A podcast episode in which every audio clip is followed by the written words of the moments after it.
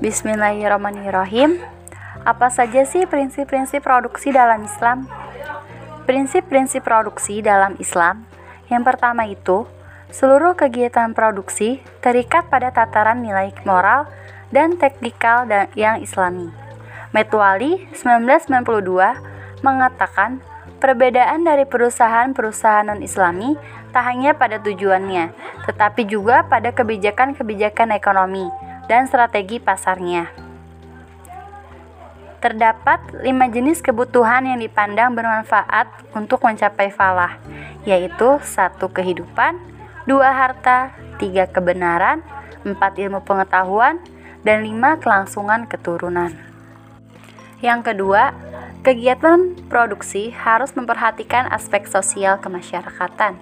Kegiatan produksi harus menjaga nilai-nilai keseimbangan dan harmoni dengan lingkungan sosial dan lingkungan hidup dalam masyarakat dalam skala yang lebih luas.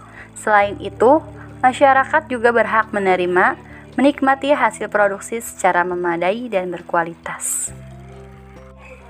Yang ketiga, permasalahan ekonomi muncul bukan saja karena kelangkaan, tetapi lebih kompleks. Kegiatan produksi dalam perspektif Islam bersifat altruistik, sehingga produsen tidak hanya mengejar keuntungan maksimum saja. Produsen harus mengejar tujuan yang lebih luas, sebagaimana tujuan agama Islam, tujuan ajaran Islam yaitu palah di dunia dan di akhirat.